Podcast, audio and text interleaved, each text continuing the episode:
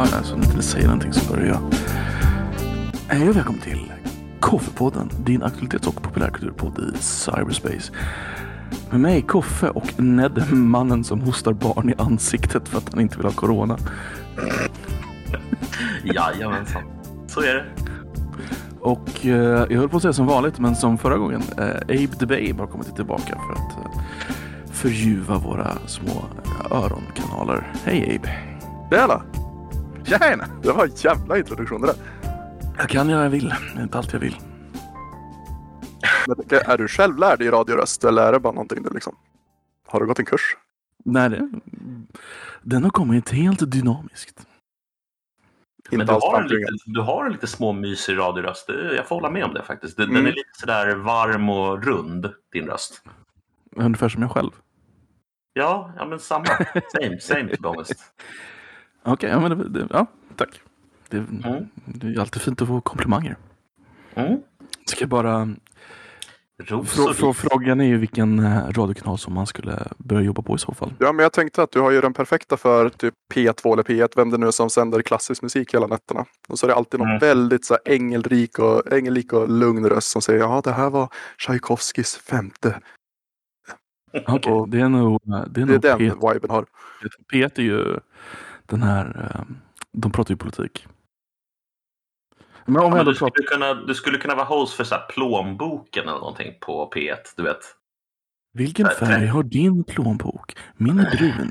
Ring in och säg. Med så här 20 minuter om så här hur man sparar mycket pengar när man köper mat på den lokala eh, stor-ican. Liksom. Om du ska Ja. spara pengar på att gå till Ica, skit i att gå till Ica. Gå till Lidl. Ja, precis. Exakt. Du ser, är så klippt och skuren. Om vi ändå pratar om eh, radio. Vilken ra- lyssnar ni någonting på radio? Förut, förutom podcasts då, som är absolut här i radio. Nej. Periodvis, men nej. Periodvis men Jag nej. önskar att jag Det är var ett radiolyssnare. fantastiskt svar. Periodvis men nej. Det betyder att du lyssnar, men du lyssnar inte nu. Eller? Ja, så ska man kunna tolka det. Men så jag skulle, säga, att- en annan period så hade du sagt ja. jag skulle säga att eh, periodvis, men min eh, det perioden, det följer inget mönster. Det kan vara fem år mellan. Okay. Vilken... Alltså, jag lyssnade, jag lyssnade jättemycket på P1. Alltså sådär så att jag Mm, lyssnade på jag tänker P1 mig. varje morgon och varje, varje eftermiddag för att jag pendlade bil. Liksom. Mm. Ehm, Mm. Men eh, jag klarade inte av att lyssna på deras eh, rapportering efter ett tag. Alltså den var alldeles för... Nyanserad. Nej men alltså så här, de är nyanserade i ämnena de pratar om. Det är inte det, utan det som jag irriterade mig på hela tiden, det var att de inte ställde vissa frågor som var uppenbara och som låg i luften. Liksom. Och att de även tog upp ämnen som var eh, ämnen som var typiska för P1 och eh, deras eh, program. Att, jag tänker på det här som gick på eftermiddagen, jag vet inte vad det heter. Men, Epstein. nej, efter Epstein. Eh, Det, Mm. deras, deras tunga nyhetsprogram liksom, som går på eftermiddagen som är så här alla journalister kommer dit och vad heter det, politiker och sådär och så bjuder de in folk. Men det jag irriterade mig över det var att de hela tiden tog upp de frågorna som det var väntat att de skulle ta upp men de kunde aldrig ta upp frågor som var aktuella eh, i debatten så att säga i det bredare samhället. Nej, men det är klart att det är, invandring, alltså den typen av frågor. Kom på nu. Um, tror du att deras frågor är liksom så här förbestämda så att de inte får liksom, alltså att de har bestämt det liksom en kommitté typ vilka frågor de ska ställa. Så de får liksom inte gå från manus. jag tror inte Nej, att de är för, Ja, okej. Vad tror du? Är? Nej, men jag tror inte att de är förutbestämda, men jag tror att det förväntas att de ska inte bli grillade, utan det ska vara lite eh, småmysigt och sådär. Mm. Och det är det som saknas i svensk media, tycker jag. Liksom att den här granskande, riktigt En bemötande journalistiken finns inte riktigt. Skjutjärnsjournalistik som det kallades för. Det är så det kallas. Men du hade ju han, förut hade du ju Ortmark. lördagsintervjun med Thomas Ramberg innan Thomas Ramberg blev så här politisk inrikesreporter. Mm. Det var ett fantastiskt bra intervjuprogram för att han var stenhård. Han kunde liksom ställa en fråga och om politikerna gjorde ett typiskt politikersvar då ställde han bara om den frågan. Alltså säkert tio gånger kunde han ställa om samma fråga. Eh, och då blev det så otroligt pinsamt att liksom fortsätta ge det där politikersvaret så att de var ju tvungna att ge något annat svar. Just det. Eh, det tyckte jag var jävligt bra. Men sen så slutade han och då blev det någon annan som absolut inte är lika bra. Eh, och mycket mjukare. Liksom. Det här programmet på SVT, alltså inte radio. ehm, Min sanning. Är inte det tänkt att vara lite samma sak? Eh, Jo, Anna Hedenmo-grejen där va? Mm, jag tror de har bytt henne, men det är inte säkert. Jag har så jävla svårt för Anna Hedenmo också alltså. Ja men, D- d- Ja, ja du sure. vet vem, du vet vem Chang Frick är eller? Givetvis. Abe? Eh, Jo, men jag har ju hört namnet, men jag placerar aldrig hans ansikte. Är inte han men frilansare är ju- journalist? Jo, och ett troll av liksom episka eh, proportioner. Men eh, han eh, är journalist och han ansökte om att få gå med i press, eh, eh, pressklubb. Ja, pressklubben. nej, pressklubben, alltså den här. Och då var det Anna Hedenmo då, då, som var eh, chef för eh, den just då. Och hon nekade honom då för att hon menade att hans journalistik inte når den liksom verkshöjden som deras journalistik gör då. Och jag kunde ju bara känna en viss så här, mm, jo, eh, ja, ja, ja, Han har ju ändå fått en, eh, han har ju ändå fått en, en politiker avsatt. Med, Ja. Så att, ja, med sin journalistik. Ehm, det roligaste med min, min sanning det är att de pausar efter typ 45 minuter och tar kaffepaus i direktsändning. jaha. Det la de till efter någon säsong, eh, vilket är en jättekonstig grej. Det är precis, det är ju ett- det är ett genidrag. Det är ju en väldigt autentisk feeling. Jo, sant. Men så här, ah, men nu, nu tycker jag vi går och tar en kaffe istället. Och så bara, mm, hur tycker du intervjun går? Ja, är det något annat du hade velat sagt? Så det blir fortsatt liksom min intervju, fast vid kaffebordet. Aha. Mm. Och det här sänds nu. Just precis nu. Du får gå och kolla på tvn. Ja, men vänta. Ja, hej då. Nej, men det, Nej, men det, det är väl- sänds, eh, det sändes i höst. Det kommer väl en ny säsong snart kan jag tänka mig. Men går det på, eh, vad heter det, prime time, typ så här? Ja, men det är Fredag, typ liksom. söndagar klockan sju tror jag. eller Så här.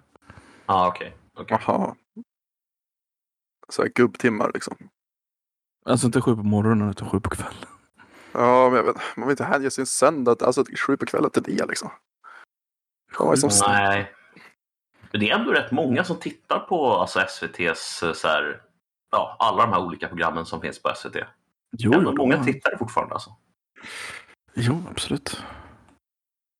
Jag har de svårt har att förstå det också. Det är det som är min poäng. De har ju några hundratusen tittare. På sånt De där program.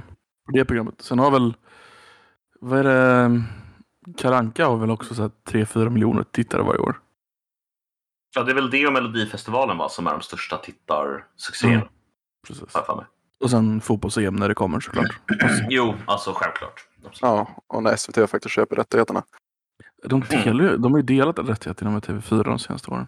Ja, och det- jag tror att det där kommer fasas ut ännu mer. Att SVT kommer inte bemöda sig i framtiden alls. Antagligen. Nej, så är det nog. Det tror jag också. Det är lite synd på något sätt. Det är ju tråkigt för svensk föreningsliv. Att de Ja, inte alltså får. det är ju- var ju folkligt liksom. Mm. Folkligt är ju per definition dåligt, måste du ju komma ihåg. Om man frågar någon som jobbar på SVT. Det var därför de la det ner liksom- eh, bil... Vad fan heter det? Biljournalen? Biltema? Biljakt? Ja, just det.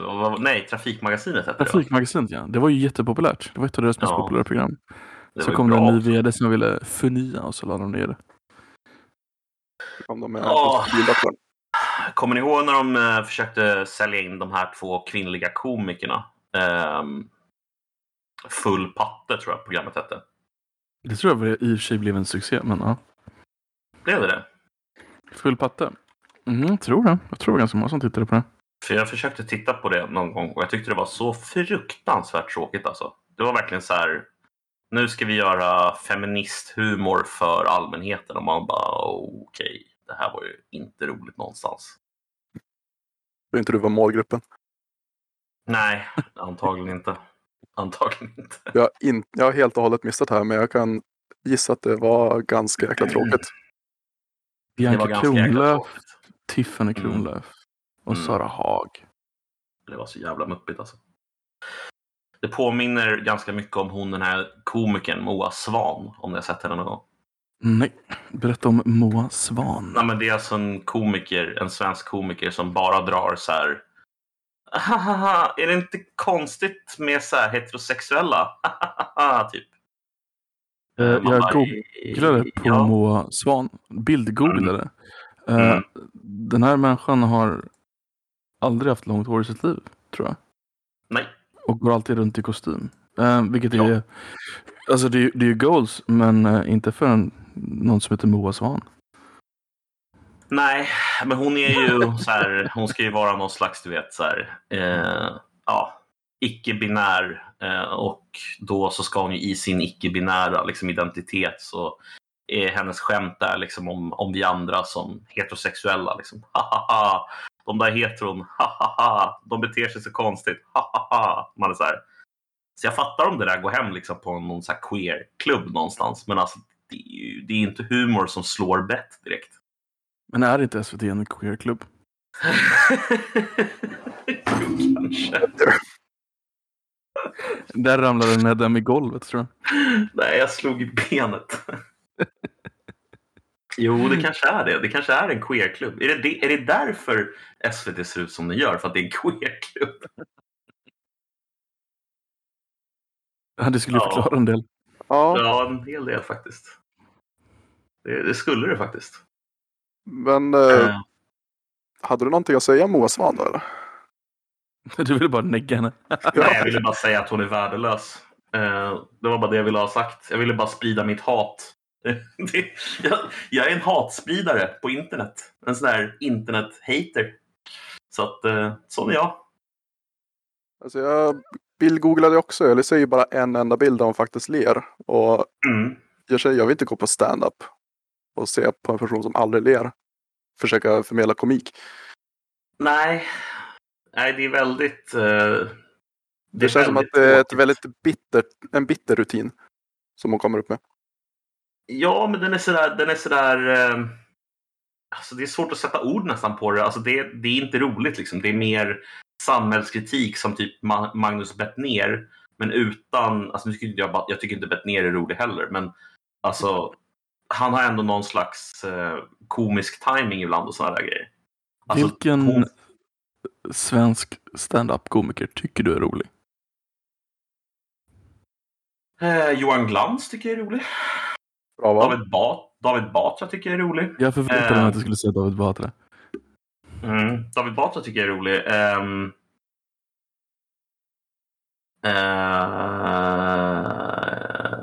uh, Moa Svan? eh, nej, inte direkt.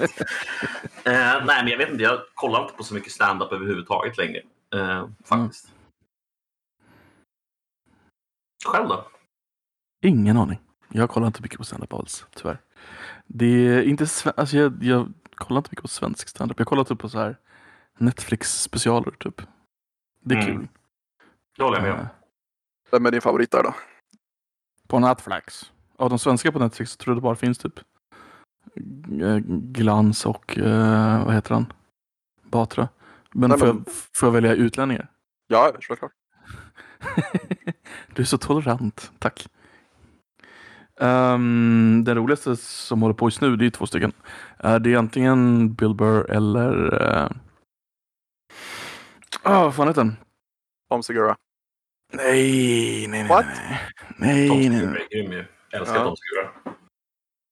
Oh, gud, Segura! vad kul. Älskar Bill Burr, ja, och älskar i och för sig Bill Burr också. Så att, Jag satt och kollade så här på klipp på honom igår. Alltså att jag, att jag, jag har någon slags... eh, jag tror jag håller på att dö mentalt, som jag inte kommer ihåg saker längre. Åh nej, den här jättetråkiga du kommer säga nu. Okej, gissa. Ja, jag har inte hans namn så jag ska försöka hitta det. Ja, precis. jag vet inte, vem, vem är det du tycker är rolig? Nu får du berätta här. Nu blir man ju nyfiken. Ja, jag försöker komma på vad han heter. Um, Norm MacDonald såklart. Ja, ja, ja. ja. Han är skitrolig. Han är Ja. Ja, ja. Absolut. Jag, tr- jag tror att Abe satt och letade efter typ Jim Gaffigan eller något. Ja, är det han? Han är lite halvalbino nästan. Men Ja. han kan vara kul. Men, Jag nej. tycker han är helt okej faktiskt. Mm, exakt. Han Han är inte aldrig. Nej, men han är kristen.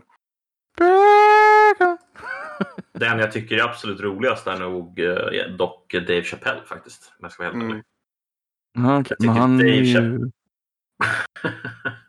Vad är han, Koffe?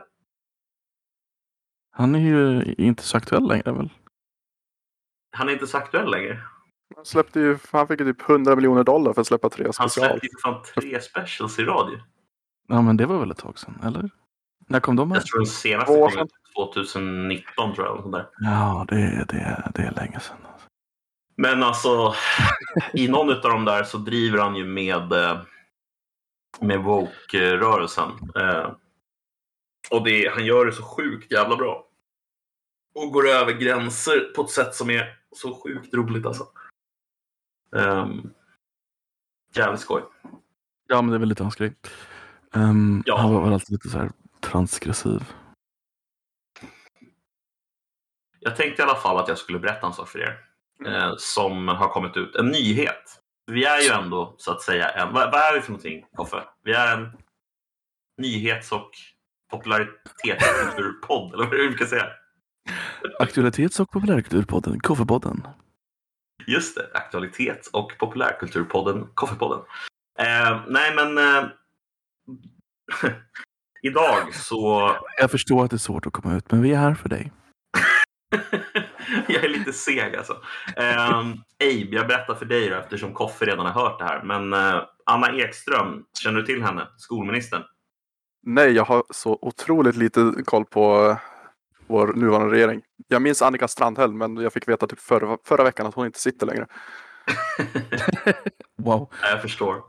Eh, nej, men så, så här är det i alla fall att Annika, Anna, Anna Ekström då som är eh, nuvarande skolminister, hon, eh, hon har eh, presenterat ett förslag här idag som går ut på att man ska sänka nivån på högstadiet som krävs för att ta sig till gymnasiet. Eh, därför att det är alldeles för få personer som eh, klarar sig till gymnasiet. Så då vill man sänka eh, intagningen till gymnasiet för att fler ska kunna komma in. Eh, dock så är det här med en viss... Det finns en grej som är positivt med det här eh, och det är den grejen som är lätt att missa, men jag ska nämna den då. Och det är så här att idag så kan man inte sätta eh, F på elever i samma utsträckning som man kunde göra med gamla systemet 1 till 5. Där kunde du bara sätta en etta liksom. Eh, var motsvarande den här eleven kan ingenting. Men idag om du sätter ett E som är då motsvarande en etta skulle man kunna säga. Det är okej då, men ett F kan du inte sätta riktigt för att då, då drar det igång massa olika så här, eh, åtgärdsprogram som eleverna ska gå igenom och eh, förutom det så är det även så att eh, om du har om du har ett F i till exempel matte, svenska eller engelska, då får du inte gå vidare till gymnasiet eh, idag. Så att om eh, jag till exempel sätter ett F på en elev i nian i matematik, då eh, blir det sommarskola för den eleven och eh, så blir de godkända i alla fall. Liksom. Eh, för att eh, lärare vill helt enkelt inte stjälpa sina elever och göra så att de fastnar i grundskolan, utan de vill släppa vidare dem till gymnasiet. Eh, problemet... Men, ja. Ja, nej, säger du. Var det inte så förut också? Jag minns att, om man, att på min tid fick man IG som det hette då i svenska, engelska, matte. Så fick man inte heller gå vidare till gymnasiet. Nej, det är korrekt. Det stämmer. Så det är väl inget nytt egentligen det där. Nej, det är inget nytt. Eh, det här var någonting som kom eh, med IG, VG, MVG, G-systemet.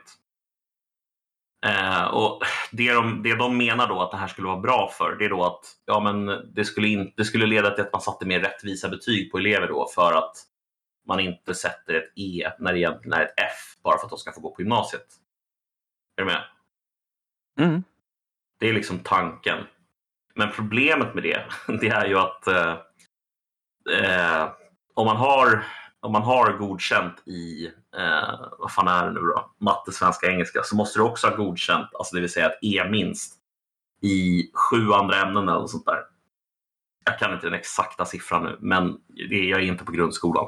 Och där är det ju så att det kommer bli tvärtom, att du inte behöver ha det. Eh, Så att elever som egentligen bara har skitit totalt i hela grundskolan kommer nu kunna gå på gymnasiet. Eh, Vilket gör att när de kommer till gymnasiet så kan de ännu mindre än de som kommer till gymnasiet idag som kan nästan ingenting. Eh, Så det blir en kul utmaning för gymnasielärare, kan vi lugnt säga. Men det kommer väl hur de tänker där. fortfarande vara inträdesnivåer på gymnasiet. Alltså, då kommer inte komma in på, jag, nu vet jag inte vad finaste skolan i Stockholm heter, men vi kallar den norska latin. Uh, de, kommer inte, och de kommer inte komma in på liksom, naturprogrammet där. Liksom. De kommer väl komma in på liksom, Mm. låssmed i Borås. Liksom. Eller? Ja, nej, alltså så är det ju. De kommer inte komma in på, på den liksom bästa skolan på det sättet. Eh, Men Mm. däremot så kan man ju ifrågasätta om de överhuvudtaget ska släppas in på gymnasiet. Alltså om det inte är Mm. bättre att de får gå ett år till i grundskolan i så fall, ifall de inte har betyg i nästan något ämne. Det här är ju väldigt kul Ja. av flera anledningar. För jag har en nära Mm. vän till mig som eh, just har börjat en eh, tjänst som gymnasielärare och han har ju varit så lycklig liksom för att äntligen får han ha elever som är motiverade och vill vara där. Ja. Som ändå har lite bakom pannbenet. Och nu, ja då blir det väl kanske bara det här läsåret. Sen är han tillbaka i gamla högstadiefunktioner. Men jag tänker också att hur kan man ens, går det ens att sänka kraven mer? För att när jag sökte till gymnasiet då var det det att man skulle ha godkänt i kärnämnena. Och så Mm. som du sa nu att några till godkända. Och det redan som det är är ju inte så höga krav. Vill du gå gymnasiet så ser det ut till att du får det. Och det Mm. får du genom att bara vara där. Och liksom att Ja. jag, jag har svårt att se hur man ska vinna en potentiell gymnasieelev som faktiskt har, har något där att göra. Där, någonting, Ja. där både skolan kan vinna på det och eleven kan vinna på det. Jag håller med dig. Det är svårt att se att det här ska liksom leda till... Alltså så här, det är fine, det är väl bra ur den synpunkten att man kanske sätter mer rättvisa betyg. Men om flera av de eleverna som egentligen inte har något intresse av studier överhuvudtaget bara går till gymnasiet för att de känner sig ja, tvingade, mer eller mindre, att göra det, eh, så kommer det inte vara positivt på något sätt eh, för de eleverna som ska gå på gymnasiet som vill vara där. Eh, Um, så ja. Jag minns att vi hade någonting som hette individuella programmet för. Jag tror att det finns något liknande idag. Det gör det. Eh, Är inte det här bara en utvidgning av det programmet i så fall? Alltså folk som inte klarade eh, grundläggande kraven då fick ett specialprogram liksom för specialmänniskor. Ja, ja, alltså jag, jag vet inte riktigt hur detaljerna kommer gå, gå, vara. Liksom. Eh, Mm. Men eh, det känns ju inte som att det eh, kommer bli bra i alla fall. Nej men det känns bara som att de puttar in mer i botten. Alltså, de, de nivåerna som är okej redan, de kommer inte påverkas. Liksom. Det är bara botten som blir lägre. Liksom. Ja, men Så det är ju det är bara rent och skärt fifflande med siffrorna. Liksom. De kommer Mm. kunna säga att ja, men fler, går, fler klarar att läsa vidare på gymnasiet. Mm. Men Mm. det kommer ju bara sänka i hela alltet. Men kommer Ja, inte 100 så- procent klara av att gå till gymnasiet då? Jo, alltså till gymnasiet, men Mm. inte gå ut gymnasiet. Det kommer ju fortfarande vara, gissar jag på, eller ja, det bör, det bör ju rimligen då bli procenten som tar gymnasieexamen bör ju gå ner. Om det blir fler som kommer till gymnasiet så blir det fler Mm. som failar av de som kommer dit. Absolut. Eh, tänker jag mig. Eh, så det lär ju inte bli, det lär inte bli bra direkt. Eh, så jag, jag fattar inte varför man ska göra det. Eh, en, en sak som hade varit bättre kan jag säga, det hade varit att införa slutprov i eh, eh, varje ämne istället. Plus betyg då, som är baserat på det här slutprovet. I högstadiet? Eh, ja, faktiskt. Oj. rätt säker på det. Vi hade ju inte ens betyg ett tag. Det var väl, Nej, när fick vi betyg i, i, i högstadiet? Så, ja, nej, det blir spännande. Nej, men alltså, anledningen är ju egentligen för att de betygen som sätts idag på högstadiet och gymnasiet, framförallt på högstadiet, är ju inte rättvisa. Alltså de är inte rättssäkra. Du kan liksom, ha, du kan liksom ha en elev som kommer ifrån en skola som har ett, eh, ett E i engelska. Som är mycket bättre på engelska än en elev som kommer från en annan skola som har ett C i engelska. Mm. Eh, så att, eh, ja. Jo, men det, så är det. Det, det är skola till skola. Det, det är ju lite rätta på kurva fortfarande. Alltså det, Jo, men jag tänker att det, är- det är ju inte vettigt. Liksom. Det ska inte vara på det sättet. Det Nej, ska ju vara nej. rättssäkert. Det är orimligt. Men eh, hur ställer du dig till allt det här då? Liksom, är, du, är du upprörd? Besviken? Nej, alltså jag vet inte. Jag känner väl, jag känner väl lite så här, ja. Det är, väl, det är väl väntat att de ska göra något sånt här. På något sätt. För att de ehm, vill snygga till siffrorna. Det är, det är tragiskt, men man, man känner ingen direkt eh, stark eh, tilltro till varken Skolverket eller till eh, Anna Ekström och ja, hela det gänget. Jag i alla fall. Liksom, ja, för nästa steg blir ju då liksom att basera högskolebehörighet på ren och skär närvaro. Liksom. Att du kan gå gymnasiet och Ja. ha underkänt i allt men har du över 80 procent närvaro så är du fri att söka till vilket program du vill. Ja, precis. Och jag tror att det vore ju, det vore ju jävligt korkat alltså, om man gjorde så. Mm. Ehm, men ja, det är, väl, det är väl någon sån väg vi vandrar kanske. Alla tänker- ska med. Men jag tänker redan nu så måste ju vissa, de tyngre utbildningarna på eftergymnasial utbildning, de har ju, Chalmers vet jag måste göra det, att de har ju liksom en, de, de, folk, gymnasieeleverna kommer in med så dålig matte. Så att de Ja. måste liksom ha en catch-up-kurs i början. Så att Ja. de har mattenivån liksom. Och det är ju ändå från gymnasiet, det är ju bra utbildning. Alltså, det är ju det är svårt att komma in på Chalmers liksom. Så det är ju ändå den bättre gymnasien. Ja, alltså det är ju de eleverna som känner att de har fallenhet förhoppningsvis för matematik som söker sig Mm. till de utbildningarna. Ehm, men i praktiken så, så är det ju bara ett fåtal av dem som har den fallenheten. För de andra så är det ju bara hårt jobb som gäller liksom, för att nå Mm. till den nivån. Men är är kvaliteten på svensk gymnasium så pass mycket sämre idag då? Än det var kanske Ja. 30, 30 år sedan? Så det var, Ja, det är enorm skillnad. okej, så en allmän... Jag pratade med en, eh, jag kan berätta, jag pratade med en, eh, en annan lärare som har jobbat i, ja han har jobbat ett bra tag. Ehm, när han började som lärare på 80-talet, någonstans 86, 87 eller något sånt där. Då kunde han fortfarande, han kunde alltså dela ut eh, avhandlingar. Som dela ut slag, ja exakt. Nej, men han kunde dela ut en avhandling då i klassrummet och så bara, nu ska ni läsa den här liksom, och så ska ni sammanfatta den och berätta vad det stod. Eh, och det klarade eleverna av på trean i gymnasiet. Eh, Mm. det, jag skulle nog vilja säga att det gör de inte idag. Inte på det sättet i alla fall. Eh, utan liksom några så här djupa, djupa instruktioner. Utan det är väldigt begränsat på det sättet. Det, det köper jag. Liksom. Men var tror du att den här problematiken börjar i skolvärlden? Liksom? Är det liksom en fråga om pedagogik i de tidiga åldrarna eller en organisationsfråga? Varför kan kidsen mindre? Jag tror att det är många saker som samverkar. Det är svårt att svara på egentligen för jag tror att det är så många saker som hänger ihop där. Alltså jag menar friskolereformen gjorde det inte bättre.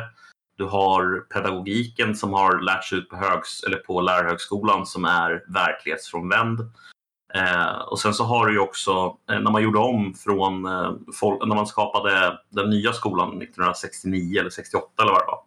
Så när man gjorde sig av med studentexamen så blev ju det nästan som ett avprofessionaliserande av ah, gymnasielärares profession, skulle jag säga.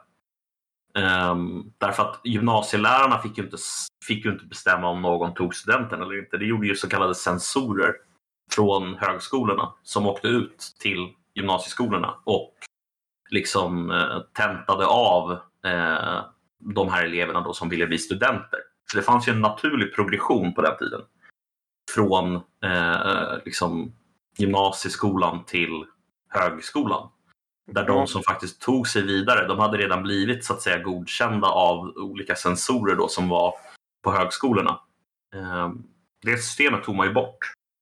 Nu fick jag fråga om du vet något om, det. Hur många var det som inte klarade av den här sensorkullningen? Det vet jag faktiskt inte, men, men jag vet att det var en hel del. För de fick ju då gå ut bakvägen, de fick Mm. ju inte springa ut framvägen. Det är därifrån det kommer då, Precis. att man gick ut bakvägen då. Precis, Ehm. t- man tog verkligen studenten. Då, Ja, då hade man ju en anledning att sjunga att man, fy fan vad vi är bra, på riktigt. Ja, alltså, och jag skulle vilja påstå att eh, de som tog studenten på den tiden, alltså det var ju en jävla prestation. Alltså. Det var en utmaning. Det är inte vem som helst som kunde bara kliva igenom och ta studenten på gymnasiet. Eh, krävdes rätt mycket av det. Jag tänker vilken skam ändå. Liksom du sitter där och är, och är du 17 ast och du gör din studentskrivning. Och så får du inte gå ut till din familj där som står där förväntansfull och glad. Mm, nej, det är hemskt. Jag håller med dig. Fan vad kul! Alltså det var, ja, det var annat förr alltså. Ja, det var hårt. Det var ju, det var ju något på riktigt alltså. Men jag, jag, jag kan känna någonstans så här, okej okay, man kanske inte behöver gå tillbaka till det exakta systemet, men man kanske kan tänka sig slutprov som är alltså ordentliga slutprov, alltså sådana här som Mm, tar mm. ett par dagar att göra. Där man verkligen försöker att testa alla kunskaper som man ska ha fått till sig i gymnasiet. På ett sådant Ja, men- sätt så att det liksom blir en, en rättvis utvärdering av vad den här eleven har lärt sig. Och man även ser vilka lärare som är kapabla att eh, förmedla kunskap till eleverna och vilka som inte är det. Eh, och så vidare. Men det kan ju bli lite taskigt också. För rätt som det är så har man ju en riktigt dålig lärare. Och då, det påverkas man ju väldigt hårt av. Liksom. Ja, exakt. För jag, vet, jag, har haft, jag har haft mattelärare som liksom eh, jättebra på matte sådär, men liksom har noll kunskap i hur man faktiskt lär ut. Och det, det hjälper ju. Och det, man ska ju ha tur med den biten. Och, eh, att ta reda på sista veckan innan eh, ja, men, eh, man ska sluta högstadiet. Något sånt där liksom veta. Nej men du, din lärare har varit jättedålig. Du får gå om. Det, det kan inte vara så jävla kul. Nej, men, men förhoppningsvis så, så ser man ju det tidigt att okej, den här Mm. läraren är inget bra. Jag kommer få plugga Ja. hårdare i det här ämnet. Alltså man har ju ett egenintresse att ta, ta vara på här också. Absolut. Men jag håller med dig om att det vore jättebra att ta, utföra prov så att man faktiskt mäter om eleverna har lärt sig någonting och inte bara liksom memorerat varje delmoment för, för stunden och så sen gå Ja, vidare. men precis. precis. Nej, det, blir, det blir knäppt. Skulle man kunna kulla lärarna på samma sätt? Alltså att om man har de här objektiva proven så att, så då får de väl rättas av en annan person än den läraren som är ansvarig. Kanske en lärare Ja, från en annan skola så byter man lärare. Ehm, då skulle man ju kunna, ja men din lön är baserad på hur många procent som klarar, klarar, faktiskt klarar av det. Eller Ja, så, så, länge, så länge som du har med liksom ingångsvärdena också, var de börjar på för nivå. Ja, så, absolut. absolut. så tycker jag definitivt att man skulle kunna göra det. Men det, är, det kommer du aldrig få lärare att gå med på. Aldrig. Annars skulle ju ingen lärare jobba på särskolan. Nej, det är sant. Det är sant. That's true. That's true. Nej, men om man har något Ehm. liknande i högstadiet och så ser man liksom progressionen. Liksom. Ja, alltså, ja, ja, det den. skulle vara fantastiskt. Men det Det är, tyvärr så är det alldeles för många lärare som eh, aldrig skulle kunna tänka sig att bli utvärderade själva. De är, de är fullt med på att utvärdera eleverna, men de kan inte tänka sig att någon annan ska utvärdera dem. Har inte rektorn det i uppgift att utvärdera eh, lärarna på sitt sätt? Jo, absolut, men inte på det sättet. Så att han verkligen kan se. Eh, Utan, utan bara sexuellt. Ja, exakt. Ett rent utnyttjande. Exakt. Mm.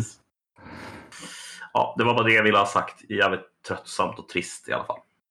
Tycker jag. Ja, det är tråkigt. Ehm, jag vet inte riktigt vad man ska göra åt det bara, men ehm, skolans typ kontinuerliga försämrande, det är ganska fascinerande. När vi är ett allt större behov av ett kunskapssamhälle. Ja, det är inte så bra. Har vi eh, studerat Finland någonting? För de sägs ju göra saker och ting på något rätt sätt. De gör väl vad vi gjorde förr, om jag förstår det. Ja, ungefär så. De, eh, de, det går fortfarande väldigt bra för Finland. Eh, Men jag har förstått det som att Finland till viss del har börjat snegla lite på oss eh, och börjat titta lite på så här, hur kan vi bli mer progressiva i vår undervisning. Don't do it Vilket- Finland. Nej, don't alltså. Det är, that's the wrong way. det kommer inte bli något bra om man gör så. Så Om vi, ja. ja, om vi byter ämne lite här. Om jag säger Birk, Mattis, Skalle-Per. Vad pratar jag om då? Ronja Rövardotter. Yes. Har ni hört den här stora nyheten om Rönnande Rövardotter? Nej.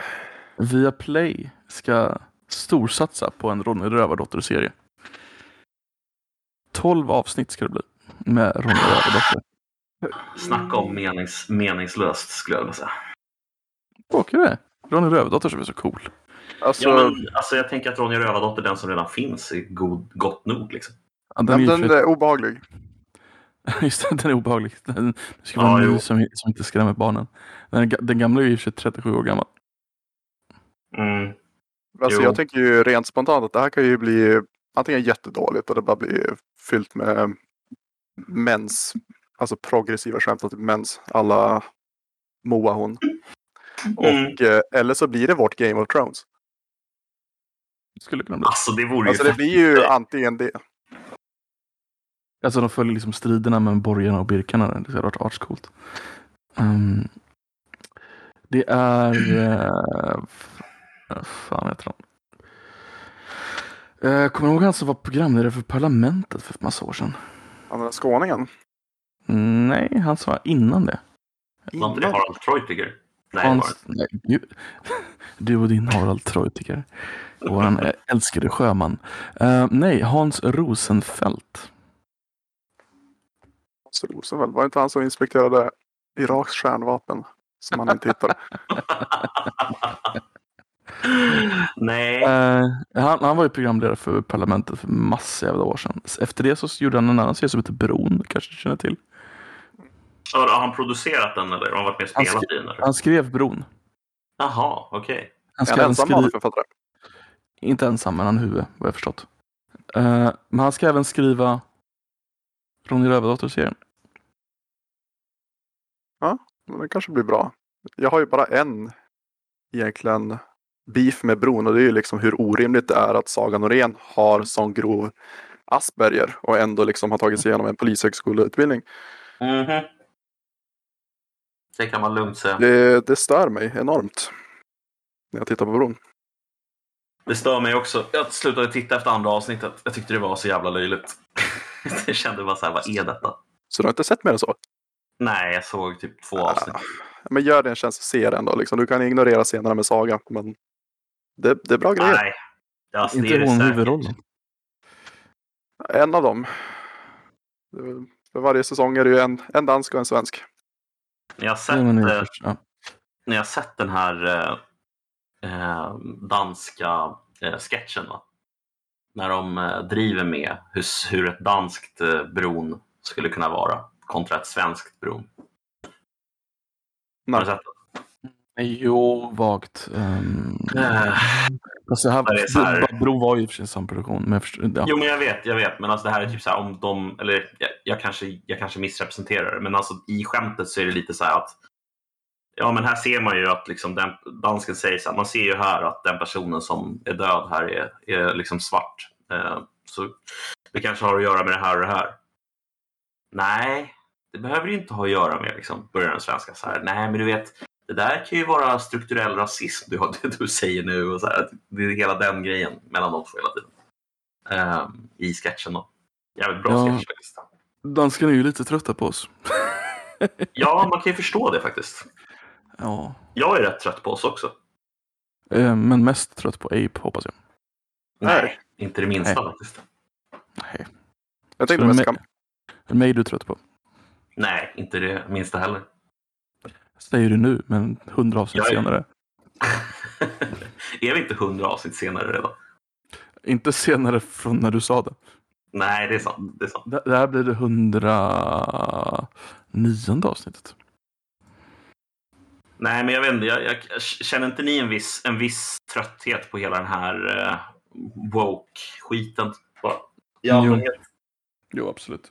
Det är ju väldigt laddat att säga woke-skiten men jag är väl lite, Ja. lite trött på... Det känns som att vi, vi saknar struktur. Känner jag. Mhm. Och jag, jag, ja. jag fascineras ju av danskarna liksom. Just på många sätt de bästa över för att det, det är liksom helt okej att ta en öl klockan 11 på förmiddagen. Mm. Och liksom Mm. du kan gå på 7-Eleven klockan 10 på kvällen, köpa en öl. Och det fler samhällen borde byggas så. Och antagligen är det ju så runt omkring i världen förutom vi, Norge och Finland. Då. det, ja, typ. Eh, nu gick jag på lite sidospår här men jag gillar Danmark. Ja, Danmark är trevligt. Danmark är, det är trevligt. Men just med det här med walkkultur, jag är lite trött på att man måste vara bry sig till 100% om typ allting. Allting är exakt lika viktigt. Allas lilla grej är liksom det, det, det ska vara liksom 100% fokus på det samtidigt som det är 100% fokus på allting annat och håller man inte med då är man körd liksom. Den, Mm. den grejen jag tycker jag är ganska krävande faktiskt. Men, men Jag nämnde ju Dave Chappelle här tidigare. Och han sa ju Mm. något i någon av sina senaste specialer. Liksom att till hur stor utsträckning måste jag delta i din själv... Eh, själv... Eh, Självbild? Självbild, tack. Och liksom det där vad som fastnar lite på huvudet. För det är lite det jag känner att alla går runt och förväntar sig att bli 100% hörda och respekterade. Och det är Mm. klart, man ska väl Mm. respektera folk och liksom inte ha illa folk. Men Mm. eh, Mm. till hur stor grad kan man behaga alla? Ja, men folk förväntas att bli strykta medhårs, tror jag, eh, hela tiden. Att så här, Mm. Om du till exempel är eh, en sån här icke-binär person som vill att du ska bli kallad they, them till exempel, istället, Mm. eller de, dem istället för ett liksom singularpronomen. Eh, då, då förväntas alla bara liksom, ja men det ska jag acceptera och det, det, självklart ska jag gå med på det. Liksom. Eh, sen finns det ju sätt att komma runt det. Man kan ju bara använda deras faktiska namn istället.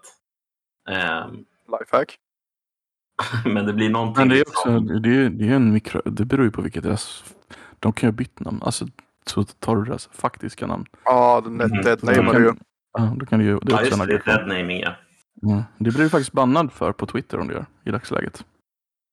Det är också så här. Som du, äh, Caitlyn Jenner, som Mm. får man säga förut hette Bruce Jenner? Ja, det är Du, det ja, stämmer. gråzon. Vad sa du babe? Ja, det här är lite gråzon, men ja. Testa. Så skulle du äta honom och skriva Bruce, henne, sorry, eh, och skriva Bruce, då blir det ju typ autobannad. Det är ju liksom Ja, är det... Men det är också det här att alltså, alla typer av eh, kränkningar är så upphå... Alltså, folk pratar liksom om att man... wor- Words are violence. Liksom. Mm. Eh, det ska liksom uppfattas som en oerhörd eh, integritetskränkning och en oerhör, ett oerhört påhopp att eh, till exempel använda fel pronomen. Men det kan ju lika gärna bara vara att man inte vet. Alltså det är, oftast så är det ju så. Eh, Mm. Tror jag det går till. Bara så här, jaha, den här personen vill bli uppfattad som det och dem. Ja, ja, okej. Samtidigt så här, har jag någon skyldighet att spela med i det? Precis som Abe säger. Nej, inte nödvändigtvis. Kan inte kräva det av mig. Det finns ju många amerikanska un- eh, universities och colleges där de börjar med kurserna med att ha liksom en pronomen genomgång nu. Där alla får säga sin Mm. egen pronomen. Inklusive neopronomen. Ja, just det. Vad var neopronomen igen? Kan du inte dra den? Det var jättekul. Eh, tredje persons pronomen som inte är etablerat i den kulturen du är i, men du ändå identifierar dig med den på något sätt. Ja, jag, Ja. ja. Och i praktiken skulle det kunna vara... ja. Det kan vara i princip vad du vill. Du kan typ heta Okej. B. Eller, och så har du liksom en lista på hur du böjer B som ditt uh, pronomen. B-self. Ja, jag, säger, jag sa B för att jag vet inte om någon har B. Men E, e och A har jag sett folk använda. Som E, EM, ES, EMS, EM, self. Alltså. alltså. Jag orkar inte! Hur, hur spännande är man som person? Alltså, jag, Nej, jag vet inte. hur kommer man till den insikten? Liksom? Alltså, Man behöver vara speciell av någon anledning och det är viktigt att man liksom... Folk, folk ska liksom... Ja, men alltså, ärligt talat, nu, nu kommer jag säga någonting som är riktigt shitlord och det är att jag tror man ger de här personerna alldeles för mycket uppmärksamhet. Ja, Det är tveklöst. därför det växer och det bara expanderar till ännu mer Mm. bisarra grejer. Jag håller med. Jag håller med. För, för att säga något riktigt shitlordigt eh, och, och s, gå vidare på det du sa. IS-återvändarna som är på väg tillbaka till Sverige. Vad har de för pronomen? Vad har de för pronomen? Exakt. Nej, men ärligt, ärligt alltså, Mm. jag, alltså, jag, vill, alltså jag, jag vill verkligen inte ha tillbaka dem. Nej, det tror inte någon vill. Där är man ju, vi är ju bundna. Ja, vad? Eh, nej men, eh, de är ju så vitt jag har förstått det svenska medborgare. Vi kan ju som Så. inte bara strandsätta dem liksom. Och jag önskar att vi kunde det. Men eh, rättssamhället är ju, det är svåra grejer. Vet Så, du som jag har vad- förstått det så, så behöver man egentligen inte, man behöver inte slösa resurser på att ta hem dem. För att UD har varnat att man inte ska åka dit. Ja, alltså grejen är ju Ja. att, ja förlåt. Nej, men jag har förstått det som att så, här, så länge som UD säger okej, åk inte till det här landet och nu åker folk ändå. Då blir det lite så här, okej, vi sa åt er inte åka, nu kan vi inte hjälpa er längre. Nej, och det är ju det är ju fair. Jag menar, det är ju en sak att, och då har jag i så fall missuppfattat deras situationen. Jag tänker att om de skulle ta sig hit och så sen står på Arlanda, liksom, då kan ju inte vi neka dem inträde till landet. Nej, då går det inte. Men inte fan ska vi, nej, men, nej för fan inte har vi någon skyldighet att hämta dem. Ja, men det, jag skulle ju kunna åka till Thailand och supa bort alla mina pengar och så säga, jag kan inte gå till ambassaden och säga hej, jag har inga pengar till att dra hem, kan ni hjälpa mig? De kommer ju säga De nej. hjälper dig. De hjälper dig. Gör det? Ja, det ska de göra. Men då behöver man inte sätta en det de budget för resor längre. om du är i ett annat land. det? Om du är i ett annat land och inte kommer hem så br- brukar ambassaden hjälpa dig. Men Det du får, ju, du, har ju, du får ju en bättre historia än att du söp bort det. Alltså det, det, det händer. Att de inte hjälper hem folk. Alltså jag, jag, jag har förstått det tvärtom. Alltså jag har förstått det som att om du går till ambassaden och säger så här, hej, jag kommer inte hem för egen maskin. Då säger de så här, luck.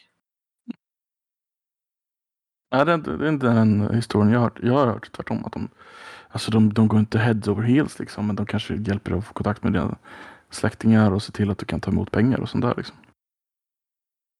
Ja, oavsett vad som stämmer så kan vi vara helt överens om att det är helt vansinnigt att man åker ner och hämtar de här kvinnorna, IS-kvinnorna alltså. Ja, Absolut. det är ju bananas. Jävla efterblivet. Lyssna på det här. som är de här största rekryterarna också. Vad jag förstått. Ja, och de hade ju varit kvar till slutet också. Det här är inga duvungar liksom, som var 15 år när de åkte ner och som åker hem och inte, alltså, knappt Nej. fattar vad de hållit på med. Det här är ju tvättäkta islamister. Ja, Ja. det är ju liksom Waffen-SS-soldater som stod i riksdagen medan sovjeterna stormar våg efter våg. Så ja, precis så ja. De, de ska behandlas som nazismens medbrottslingar helt enkelt. Säger de här på DN och det tycker jag är helt rätt. Den som har gått med i IS ska aldrig känna sig säker. De svenska IS-kvinnorna måste betraktas likadant som nazismens medbrottslingar. Men vi har ju inte ens ett rymdprogram. Vad sa du nu? Vi har ju inte ens ett rymdprogram, så det kan vi inte göra. Och Ska vi inte bygga ut eh, S-range nu också? Jo, det ska vi i och för sig. Eh, Det var en referens till Operation Paperclip. för de som inte förstod det. Oh, jag förstod. Jag vet att du förstod. Du, du förstod alla mina obskyra referenser tyvärr. Ja. ja, Operation Paperclip, alltså jävlar. Det är faktiskt, alltså jag läste en jävligt intressant bok om Operation Paperclip. Vet du vad Operation Paperclip är, Abe? Ja, när man Ja. hämtade ja, men, na, eh, nazister med know-how. Som Yes. man gärna inte ville släppa i sovjetiska händer. Yes, och så fick de typ fullständig pardon och blev en del av NASA. Mm. Von Braun var väl ledaren av NASA till och med. Ja, stämmer. Eller åtminstone för projektet som byggde den eh, som de åkte till månen med. Raket. Mm. Jag är ganska säker att han var direktör för NASA ett tag. Det var han nog. Stämmer. Ja. Men han, eh, en, en intressant sak med honom var ju att han var ju en av forskarna som var på Pennemund i... Eh, ja, fan är det någonstans? Ja, Pennemund det- ligger någonstans. Nordöstra, där vid Östersjökusten. Där de byggde V2-raketer. Precis, det var ju där han byggde. Det var ju han som var typ chef där för det projektet. Eh, och alla de landade ju typ på London. Så att, eh, ja. Det... Och han använde sig av, eh, om jag förstått det rätt också, eh, slavarbete då i byggandet av sina raketer. Eh, så att han hade ju ett och annat på sitt samvete den killen. Om man säger så. Yes. Då brukar det, vara, Nej, kör. ja, men det brukar ju vara en debatt då liksom att ja, men det här är så hemskt gjort av USA. Vi, kan- varför kunde vi ta gamla nazister liksom och använda deras kompetens för att eh, ta oss till månen liksom. Men är det så fel liksom? Man kan väl ändå skilja på de två sakerna. Jag menar, det är ju horribelt det han sysslade med i sin ungdom liksom. Det är det ju. Mm. Men eh, ska man bara kasta bort den kompetensen sen och liksom som, som nation, som USA, då har du ju ett eget intresse att liksom eh, slå sovjeterna i rymdkapplöpningen. Är det så måste- jävla, är det så moraliskt fel att man då tar, tar sig hjälp av en eh, nazi rocket guy? Jag vet inte, på något sätt så är det väl också en fråga om så här, Jag menar, det realism möter idealism. Liksom. För jag menar, det är ju inte så att de satt och lät honom på fritiden skicka raketer, fortsätta skicka raketer till London och sådär. Det hade ju varit en hade ju- grej. Det hade ju varit en grej alltså. Alltså vilken fantastisk hobby det hade varit. Ja, men jag kommer till USA och bygger raketer åt er, men jag har ett krav. Bara vadå? Ja, det här kommer låta konstigt, men låt mig förklara. Nej, jag vet inte. Det... Men alltså i alla fall i den, i, i den boken så visar det sig i alla fall att eh, projektet var ju större än bara liksom rymdraketer. Det var ju Mm. forskare Ja. överhuvudtaget inom allt möjligt. Eh, forskare inom eh, till exempel från den här japanska 731. eh, 731. Ja. Eh, deras forskning ville man ju ha eftersom den var extremt viktig för eh, ja, egentligen alla som hade varit med i kriget. Eh, ville ju ha den forskningen. Eh, det var ju väldigt bra forskning, mycket av den. Ja, så det var ju väldigt, väldigt mycket hårddata som du inte kan få tag på utan att vara, vara en ren och skär krigsförbrytare. Nej men precis, vid vilken temperatur eh, förfryser människor och går inte att typ få tillbaka dem med värme. Liksom. Ja, då måste du liksom testa ett par människor. Mm, Så jävla mm, mörkt alltså. 730. ja. Eh, De gjorde Ja, även experiment på om vilka sjukdomar som förs över från morsan till barnet. Så de, Mm. tving, de fick kvinnor att bli gravida, gav kvinnan sjukdomen bara för att se om barnet. Ja, det är det är brutalt alltså. Ja, ja de, de, de, var inte, de var inte trevliga. Men det Nej. förläts ju av, det, det, USA har ju en officiell policy fortfarande av förnekelse av det där. Att de, de, they don't acknowledge att det hände. Nej, Eh, Det, det enda bevisen vi har på 730 är ju gamla soldater i den enheten som har gått ut och erkänt. Liksom. Men eftersom det är erkänningar så är det ju vittnestestamål av folk som är där så det räknas inte som bevis tillräckligt för vissa den internationella domstolen tydligen. sen är det ju lite kul grej som de tar upp i den här boken också är ju alltså hur många som gick ut eller som Sovjet plockade, alltså utav de här Mm. tyska forskarna. Mm.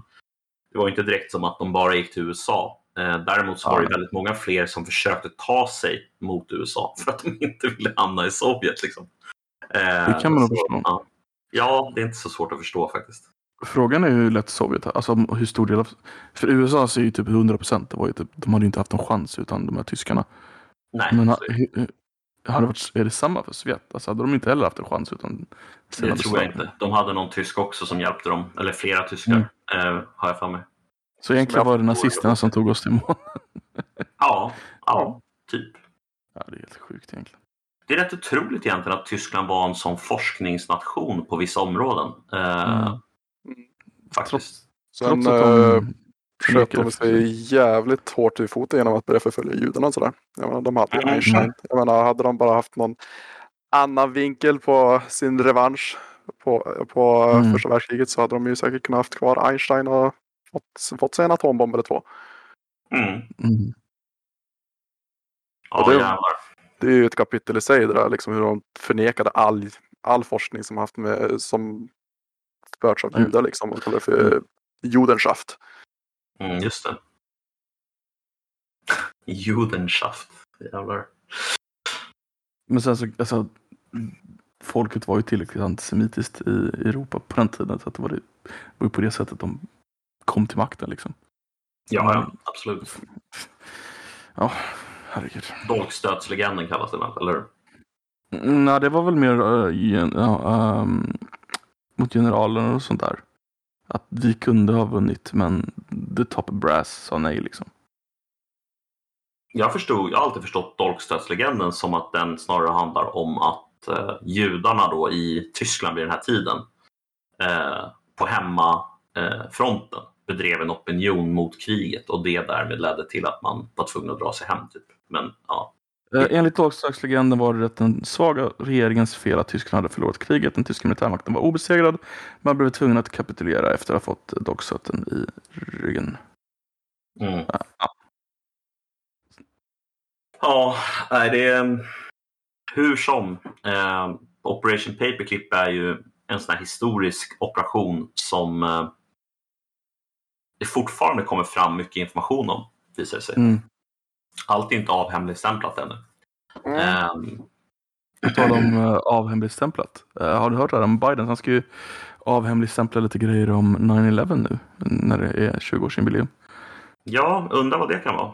Ja, vad, Eh. vad skulle ni vilja att det var? Oj. Rubbet. Men vad det kommer vara, det kommer vara en fet A4 där det står redacted. Kanske ett datum som de uh, avhemlighetsstämplar. Men that's it. Alltså det, det kommer ju knappast vara någonting av vikt. Mm. Som såklart. Alltså jag tror, jag tror det som skulle, alltså jag tror inte att det var en konspiration givetvis, men Nej. det som jag skulle kunna tänka mig som skulle kunna vara väldigt kontroversiellt om det kom ut och som jag skulle kunna se ha hänt, det skulle vara att man var mycket mer säker på att eh, det var just Al-Qaida som skulle attackera och att man förstod ungefär vad målet var, men att man inte tog eh, eh, Mm. Ja, precautions. Typ att det Nej. går att se i klartext. Liksom, att man bör ha förstått och att man kan ifrågasätta, men vadå, hur kunde man inte förstå? Liksom? Ja. Eh, Nej, typ men, något eh, sånt.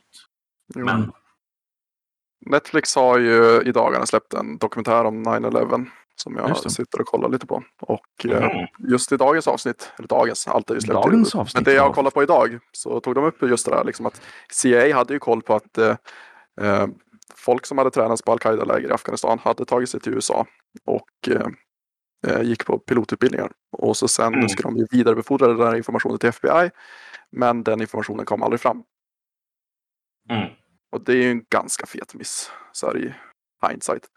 Ja, man kan ju också fråga sig, alltså, är det en fråga om plausible deniability? Det vill säga att den informationen kom fram men agerades inte på. Mm. Eh, och då säger man att den aldrig kom fram för att det är enda sättet att rädda skinnet. Ja, precis. Eller är det så att den faktiskt aldrig kom fram? Jag har ingen aning. Men Nej, men som du säger, liksom, inte tror jag att det var en inside operation så att man självmant sprängde de där tornen och höll på med en jävla massa trollerier för att få det att hända. Men eh, Nej, då är det nej. mycket rimligt att man lät det ske. För att eh, det här med Project for a New American Century, det är ju, det är ju, det är ju, det är ju riktiga politiska mål. Ja, absolut.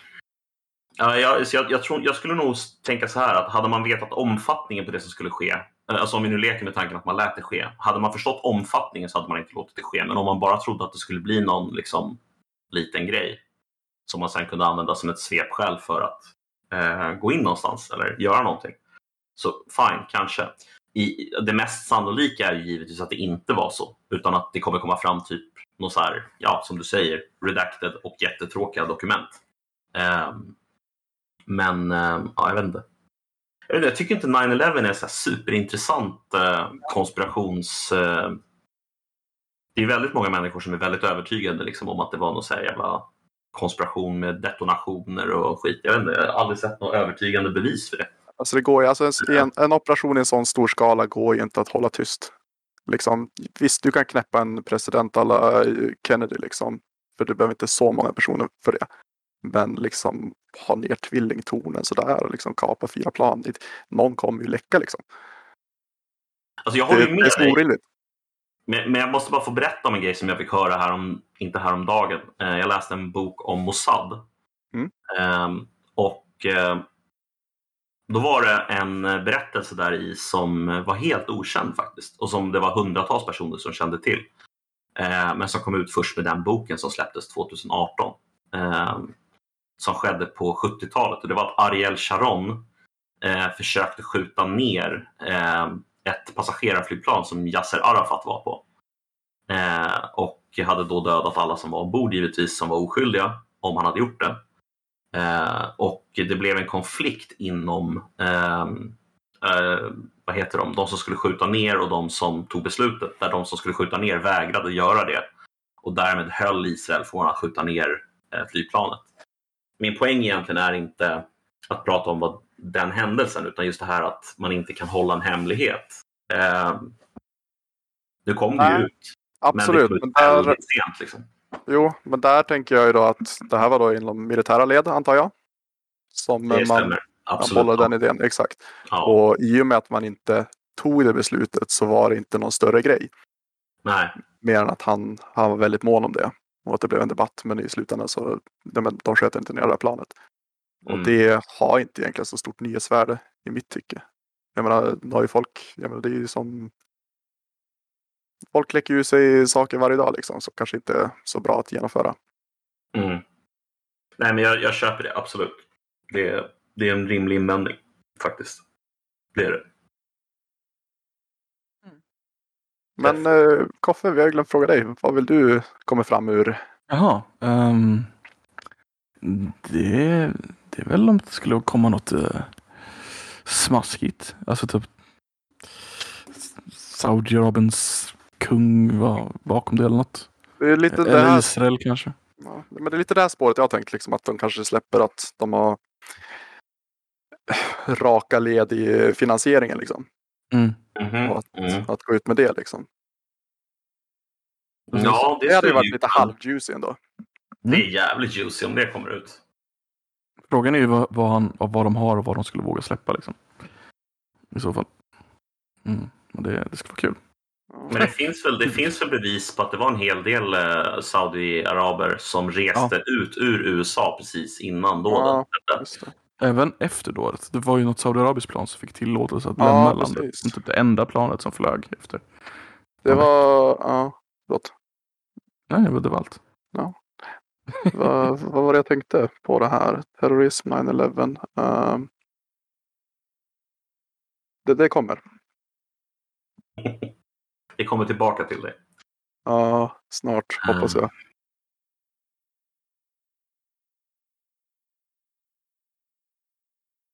Det är nu vi bara låter tystnaden vara. Det är lite skönt med tystnad också mellan varven. Kan inte Ja, ni men tycka eller hur? Ni bor ju i storstäder, ni får ju alla den där tystnaden. Men jag ska säga det. Kom upp till Norrland någon gång så bara njut av tystnaden.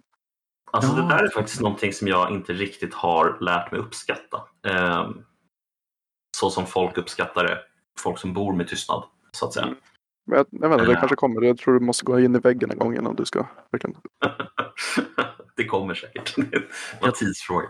Jag tror det är svårt att förstå den tystnaden om man bor i stan. För även om man stänger alla dörrar och ja, men nu är det tyst så är det ju inte tyst, tyst, tyst, tyst. Nej. Nej. Ja, till någonting.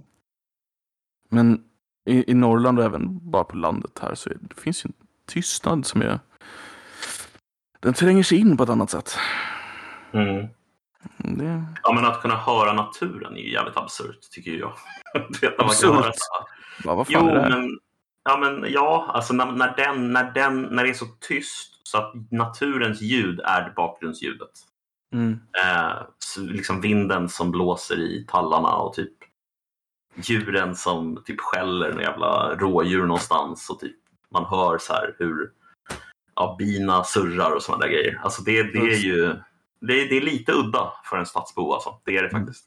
När det blir bakgrundsljudet på det sättet. Någonting jag Ja. genuint gillar dock, det är, det är när man ser alla jävla stjärnor. För det gör man ju inte i stan. Nej, det är så otroligt vackert alltså. Mm. Det är Det är, synd att vi det är väldigt synd att vi inte har det. Man blir väldigt filosofisk när man sitter där och kollar på stjärnor. Mm. Men eh, även här så måste man ju åka ganska bra mycket ut i skogen för att liksom få en riktigt bra stjärnhimmel. Ska vi köpa en Ja, liten kommer. eh, stuga ute i skogen och sitta där och titta på stjärnorna och dra en Filosofera. bärs. Dra en bärs och filosofera med högen. Mm. Det vore något. Ja, det vore något faktiskt. Det vore de definitivt. sinnen. Vad är er favoritdoft? Oj, er favorit. Mm. Jag tänker så här, det här kommer vara ett stående inslag varje gång jag är gäst. Att jag ska fråga er favorit eller någonting. ja, alltså jag, det är en svår fråga. Um, favoritdoft? Mm. Jag gillar ju syren. Jag gillar syren. Nej men den är bra. Syren är väldigt, det, det doftar på något sätt väldigt fräscht men också inte för mycket. Men ändå så man kan liksom bara, ja, bensin också. Mm. bensin är fantastiskt Exakt, också. det var det jag tänkte säga. Jag tänkte säga 95 oktan. Bensin doftar faktiskt förvånansvärt gott. Det är en Men Mm. Mm, Just, just dofter är ju väldigt tät kopplat till minnen tycker jag. Ja, alltså, du jo. kan få en doft och så tänker du genast på något gammalt barndomsminne. Ja, men det är kul liksom. Man eh, Mm. känner någon doft som man inte har känt liksom. Ja, men sen barndomen. Och man, Mm. Det bara direkt slår en. Man får en hel bild av var man var. Hur man mådde. Vad man gjorde. Liksom. Det Verkligen. lätt. Det kan verkligen det kan transportera en som ett, det, det, det, alltså inte ens, egentligen tänker man att bilder borde ju men det är inte samma sak. Alltså det, det är doft som gör det på något sätt. Det är fascinerande. Musik har, li- musik har lite samma eh, effekt. Mm, det kan det i alla fall. Mm. Men vad tycker ni om eh, blöt asfalt då? Jag har aldrig förstått uh, charmen i det. Det, det bara luktar blöt. Ja, det bara luktar blöt asfalt. Jaha, doften av blöt asfalt. Um, Ja. du menar, alltså när det regnar typ på den? Precis. Mm, inte, inte liksom att den är nylagd utan att den är... Nej, utan det är väl, jag tror att det egentligen är så här när det har varit väldigt torrt. Och sen så Mm. typ är det ett väldigt lite duggregnigt sådär. Så blir det en väldigt speciell doft. Jag kan inte sätta ord på vad det är, men blöt asfalt är det närmaste jag kommer. Det måste ju vara alla jävla skit från bildäck och sånt som fastnat på vägen som äntligen luckras upp. Eh, Ja, så det, eh, det är en okej doft. Det är inte min favoritdoft, men jag vet vilken det är. En doft som är ganska mysig faktiskt, det är ju eh, nyklippt gräs. Mhm. Nej. Inte? Nej, förlåt. det är, ju- nej, eller kanske. Nej, jag vet inte. Aldrig reagerat det. Men alltså, nej, det, det är bara en väldigt frän, frän doft. Som inte riktigt har något att bidra med. Du får gå ut och klippa Mhm. lite gräs här. Men berätta, vad är din favoritdoft då, Abe? Oj, nej men det är bensin och så sen är det, nu vet jag inte vad det är just, men det är någon form av gummi som är lite bränt. Som Åh. de få gånger jag känner den, för jag har inte lokaliserat vad för just det är, så får jag alltid en minnesbild av att jag är en liten åttaårig grabb och hänger i eh, tunnelbanan i Berlin. Som alltid luktade Oj. så. Och det är ett kärt minne till mig. Ja, det där, det där luktar ju, alltså, jag, jag kan ju tycka att eh, gummi, alltså däckgummi, luktar helt fantastiskt gott också. Ehm, Mm. Det är svårt att sätta fingret på exakt vad den doften är, men det är någonting med den här oljeblandningen som är i däcken som är jävligt fin. Alltså. Det är säkert liknande som bensin antar jag, på något sätt. I guess. Ja. Så. Båda är väl, det är väl kemi Båda- inblandat i båda. Båda är petroleumprodukter. Alltså det, är- ni använder ju... Mm, precis. Ja. Ehm, Jag tror att vi har kört ungefär en timme. jag kör lite mer än en timme, men det är lugnt. Ska vi eh, avrunda kanske? Kan vi göra. Så får jag gå och lägga mig och sova. När det här är sjuk. ja, jag är trött alltså. Jag fan känner mig riktigt seg. Men eh, jag, eh, jag gör en liten, ett litet outro då. Om du är redo för det, Koffe. Ja. Tack för att ni har lyssnat på Koffepodden. Eh, det här har varit eh, ett avsnitt med mig, Nedden, Aid, så, som en återkommande gäst och eh, Koffe som alltid. Eh, hoppas att ni har tyckt att avsnittet var intressant och bra. Eh, ni får jättegärna dela med er till era eh, kompisar och eh, familj om ni vill. Eh, ja, det var väl det. Tack och hej! Ha det gött. Hej. Hej då.